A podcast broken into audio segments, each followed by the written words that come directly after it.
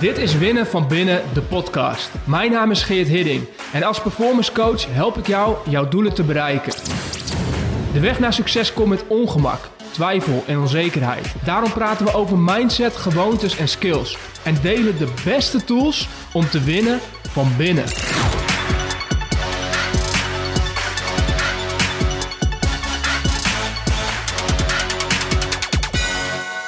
Ongelooflijk. Als ik erover nadenk dat het alweer meer dan tien jaar geleden is dat ik uh, in Thailand was en daar een meditatietraining heb gevolgd. Een Vipassana, zoals ze die noemen. Dit is een uh, meditatietraining die duurt uh, tien dagen. Uh, en het is een soort van stilte Dus het um, is een tiendaagse waarin je geen contact maakt met anderen, waarin je niet praat met anderen. Sterker nog, je uh, mag niet eens oogcontact maken met anderen. Dus je bent eigenlijk continu wat naar beneden aan het kijken om oogcontact te vermijden. Dus dat is best een intense tiendaagse geweest, kan ik je vertellen. En ik kan me goed voorstellen dat je je afvraagt, why? Waarom zou je uh, aan zoiets meedoen? Waarom uh, ben je dat gaan doen? En um, nou, dat is een goede vraag. Ik neem je mee in de uh, gedachten erachter, waarom ik uh, hiervoor heb gekozen. Uh, maar in deze podcast deel ik ook mijn twee grootste inzichten die ik uit deze ervaring heb gehad. Want je kunt je voorstellen dat een ervaring als dit um, je zo buiten je comfortzone brengt dat uh, daar uh, heel veel waardevolle inzichten en lessen uit te halen vallen. Dus die deel ik graag met je. Um, ontzettend leuk om te doen, omdat het uh, alweer dus tien jaar geleden is en ik er eigenlijk niet zo heel vaak meer aan denk. En dat het uh, eigenlijk uh, ontzettend tof is om dat ze nu dan toch te doen, het terug te halen uh, en te delen wat ik eruit heb gehad. maar allereerst, waarom? Waarom ben ik eraan begonnen om tien dagen lang in stilte te zitten en ook dus elke dag te mediteren? Het gaat om zittend meditatie en staande meditatie, dat je loopt. Dus intensieve dagen. En voor mij was eigenlijk uh, die vraag uh, niet heel duidelijk beantwoord toen ik ervoor koos. Ik wist ook niet zo goed waarom ik het deed. Eén ding wist ik wel, is dat ik um, voor de solo-reis die ik aan het doen was, ik was destijds in Australië begonnen met, een, met, een, met een backpack-trip. Um, had het heel bewust gekozen om dat in mijn eentje te doen. en was al een tijd onderweg. Dus volgens mij was ik zo'n zes, zeven maanden onderweg in mijn eentje. Uh, natuurlijk niet helemaal alleen, want um, backpacken in je eentje, dat is er niet echt bij. Sterker nog, ik heb zoveel toffe mensen leren kennen daar. Ik heb zoveel mensen ontmoet. Er waren weinig momenten eigenlijk dat ik echt in mijn eentje was. Um, uh, maar uiteindelijk deed ik de trip wel in mijn eentje en maakte ik dus mijn eigen keuzes. En tijdens een van die, uh, of in die fase, in die periode, uh, was ik natuurlijk al een tijd ook echt aan het backpacken geweest. Ik had veel gewerkt, ik moest inkomen verdienen. Um, dus zorgen dat ik kon blijven backpacken en kon blijven reizen. En tegelijkertijd um, uh, uh, was ik gewoon aan het feesten, aan het genieten van het vrije leven daar, aan het genieten van de weinige verplichtingen en verantwoordelijkheden die ik had. Um, dus ik zat op een punt in mijn trip dat ik dat heel veel gedaan had, zo'n zeven maanden lang daarvan genoten had. en dat ik op een of andere manier er tegenaan liep dat um, tegen deze Vipassana training aanliep. Ik denk dat het een folder was in een van de hostels waar ik verbleef. Dat ik het zag en dat ik gelijk voelde van ja, dit is iets wat ik wil doen. Dit klinkt zo buiten mijn comfortzone. Dit is zoiets wat ik nog niet ken en wat ik nog niet heb ervaren. En op een of andere manier word ik er heel erg door aangetrokken. Waarom precies, ik weet het niet. Um, ik, ik, ik, uh, ik vond het denk ik gewoon een mooie uitdaging. Net zoals ik de hele, de hele trip een mooie uitdaging vond, voelde dit ook als een uitdaging. Uh, dus uh, eigenlijk had ik niet heel erg veel argumenten om het te doen, anders dan dat ik mijn gevoel tegen me zei: doe het, neem die stap maar. en dat is de reden waarom ik het ben gaan doen. ik, ik begon, en je moet je voorstellen, als je dat begint, meld je je bij het hele terrein waar, waar het klooster is en waar. Um, uh, waar eigenlijk allemaal monniken zijn, uh, allemaal mensen zijn die bezig zijn met Vipassana en die daar ook hun leven aan het leven zijn. en um, tegelijkertijd komen er ook andere backpackers op af. dus de eerste groep die ik start, of de groep waar ik bij zat, ik denk dat we met acht andere of in totaal met een groep van acht backpackers waren, die dus de volgende dag uh, zouden beginnen.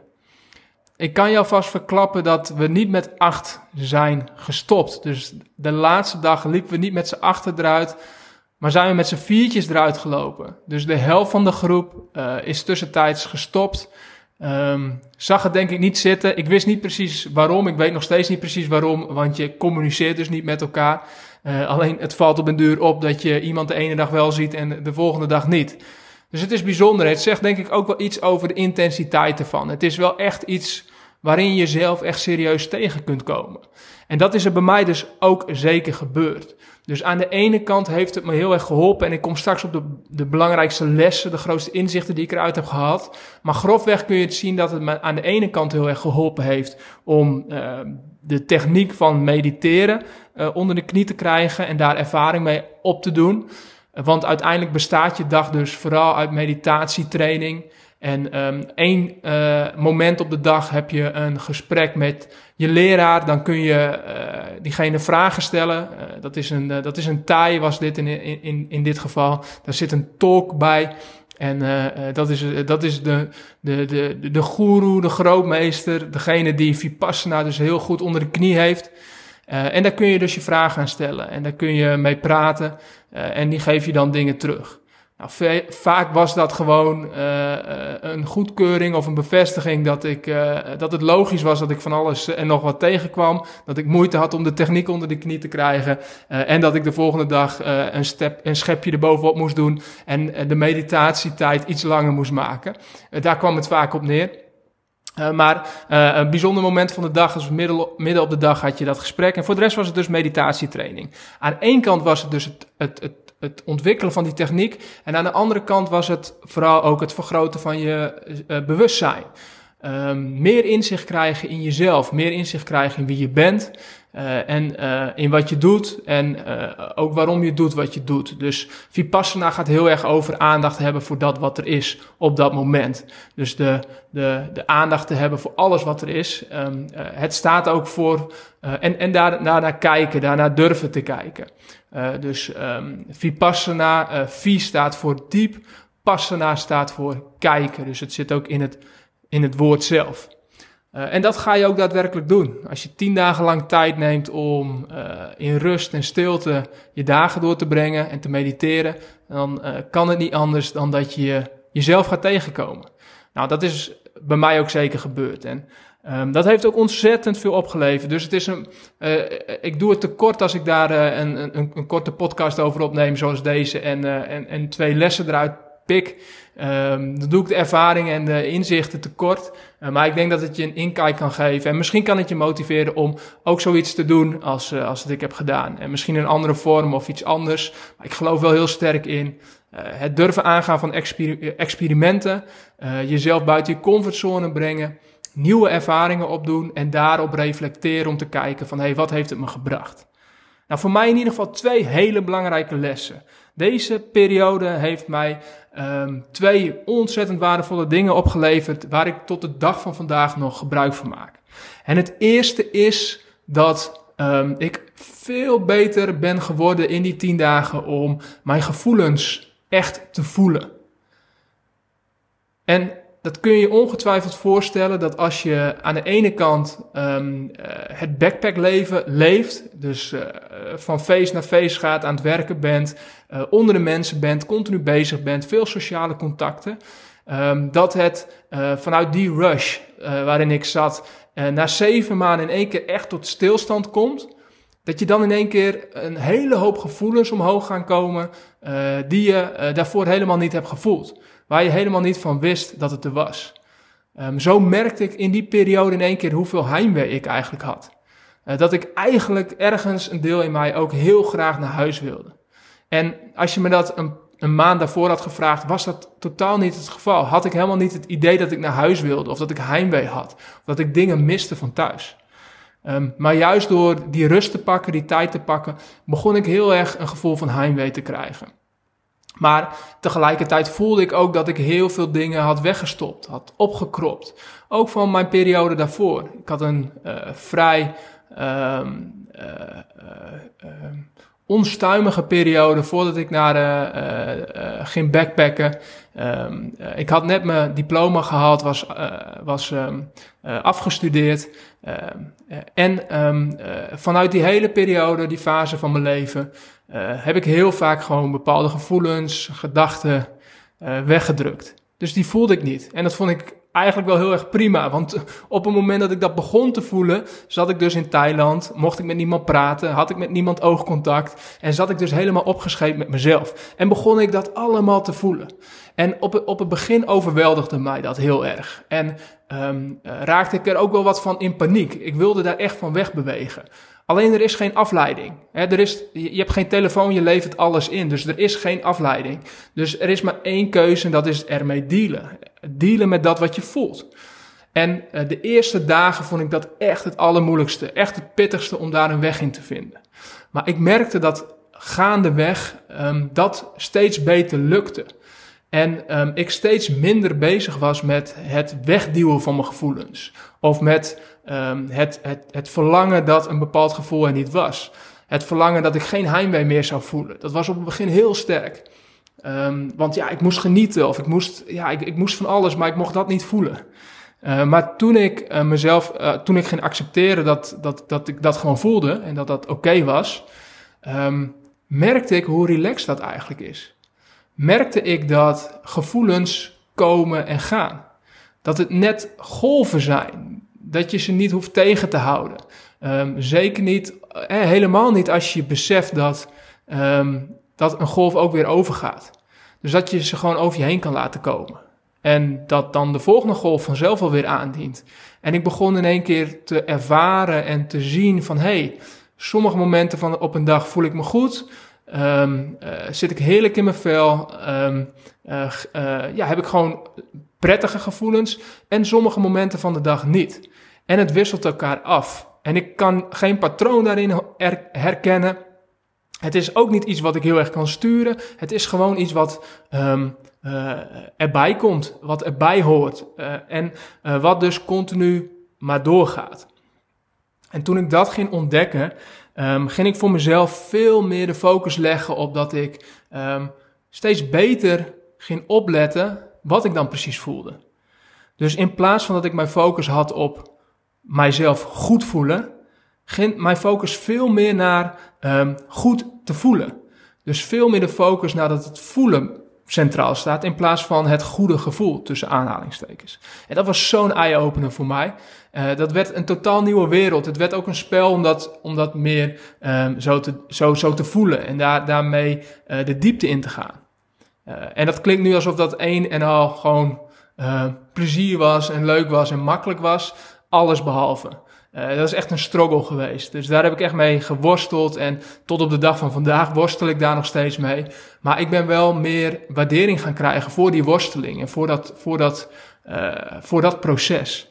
En het doet me ook heel erg denken aan dat um, uh, in de podcast die ik heb opgenomen met Giel Belen, hij ditzelfde benoemde. Dat er een periode in zijn leven was waarin het veel meer ging over goed voelen in plaats van jezelf goed voelen. En eh, ja, ik denk dat dat uh, super waardevol is. En um, um, in ieder geval ook heel erg voor, uh, voor iedereen, sowieso. Maar als man zijnde is dat denk ik iets wat je niet zo snel leert.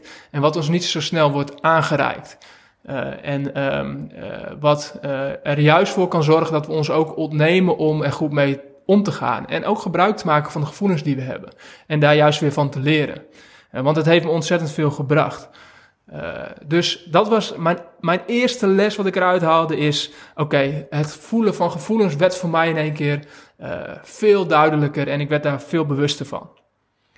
En de tweede les die ik eruit heb gehaald is hoe krachtig het is om uh, een commitment aan te gaan. Om te zeggen, ik ga iets doen, ik ga iets voor een bepaalde periode doen. Um, en de toewijding te hebben om dat van de eerste minuut tot de laatste minuut ook daadwerkelijk te doen. En die rit uit te zitten.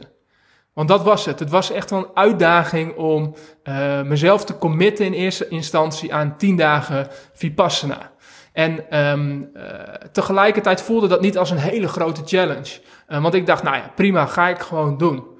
Alleen gaandeweg kwam ik er wel achter dat het wel echt een uitdaging is om um, één, die challenge of die commitment aan te gaan. Twee, om je daaraan te houden. Dus dat je het ook echt daadwerkelijk tot de tiende dag uitzit in dat geval. Uh, het is niet voor niets dat de helft van de groep er tussentijds mee stopte. Het was echt een challenge om de commitment die je aan jezelf hebt gemaakt, om die ook uit te zitten. Um, en daarnaast om niet alleen te denken aan, oké, als ik die tien dagen maar doorkom, uh, want dat was enigszins makkelijk geweest. Als je alleen maar je focus hebt op, als ik deze tien dagen bij wijze van me overleef, dan is het goed. Um, maar als je die commitment aangaat, uh, om tien dagen jezelf onder te dompelen in die wereld, om vervolgens ook elke dag weer de commitment aan te gaan om het maximale eruit te halen. Om het maximale uit die ervaring te halen. Want het is heel makkelijk om ergens ja tegen te zeggen en het op een bepaalde manier te doen, zodat je lekker in je comfortzone blijft en het relaxed is. Het is een ander verhaal als je jezelf een, een, een commitment aangaat voor een bepaalde periode en dan ook nog dat op het maximale willen doen. Dus jezelf daarin blijft uitdagen. Uh, elke dag opnieuw. En dat is wat ik mezelf um, um, in heb uitgedaagd. Om niet alleen die commitment aan te gaan voor 10 dagen, maar elke dag de commitment aan te gaan. Op het moment dat we om 4 uur uit ons bed werden gebeld en moesten beginnen met meditatie. Um, uh, om dan, uh, om die dag ook volledig te pakken. En elk moment te pakken. En deze um, past heel goed bij de andere uh, learning die ik eruit heb gehaald. Doordat, want doordat ik dat ging doen, ging ik natuurlijk ook veel meer aan de slag met mijn gevoelens. Als ik dat niet had gedaan, was de verleiding denk ik heel groot geweest om die gevoelens op wat voor manier dan ook gewoon proberen weg te stoppen. En gewoon de tijd uit te zitten. Maar doordat ik de kracht van commitment daarin uh, zag en uh, benutte, um, werd, werd ook het proces veel waardevoller. Dus mijn twee belangrijkste lessen uit 10 dagen meditatie, Vipassana training in, in Thailand is allereerst het voelen van gevoelens. Dus dat het niet gaat om goed voelen, maar om goed te voelen. En de kracht van commitment. Dit zijn er slechts twee van een hele berg andere inzichten en lessen die ik eruit heb gehad. Um, en ik deel dit met je enerzijds om uh, dat ik denk dat deze lessen, deze inzichten super waardevol voor iedereen zijn. Um, uh, en anderzijds omdat ik je wil inspireren om um, op je eigen manier experimenten te vinden ervaringen te vinden, uh, activiteiten en dingen aan te gaan waar je misschien aan de voorkant uh, uh, tegenop ziet of bang voor bent of um, onzeker over voelt. maar juist die dingen die je uitdagen en die je, die je ergens wat angst inboezemt, dat zijn vaak de meest waardevolle ervaringen. Dus ik wil je bij deze inspireren om je eigen ervaringen op te zoeken, je eigen experimenten op te zoeken en vervolgens ook te reflecteren en te kijken welke waardevolle lessen er zaten verborgen in het hele proces. Succes! Thanks voor het luisteren naar Winnen van Binnen, de podcast. Ik hoop dat je er minstens één nieuw inzicht of idee uit hebt gehaald. Wil je op de hoogte blijven van nieuwe afleveringen? Schrijf je in op geerthidding.nl slash podcast.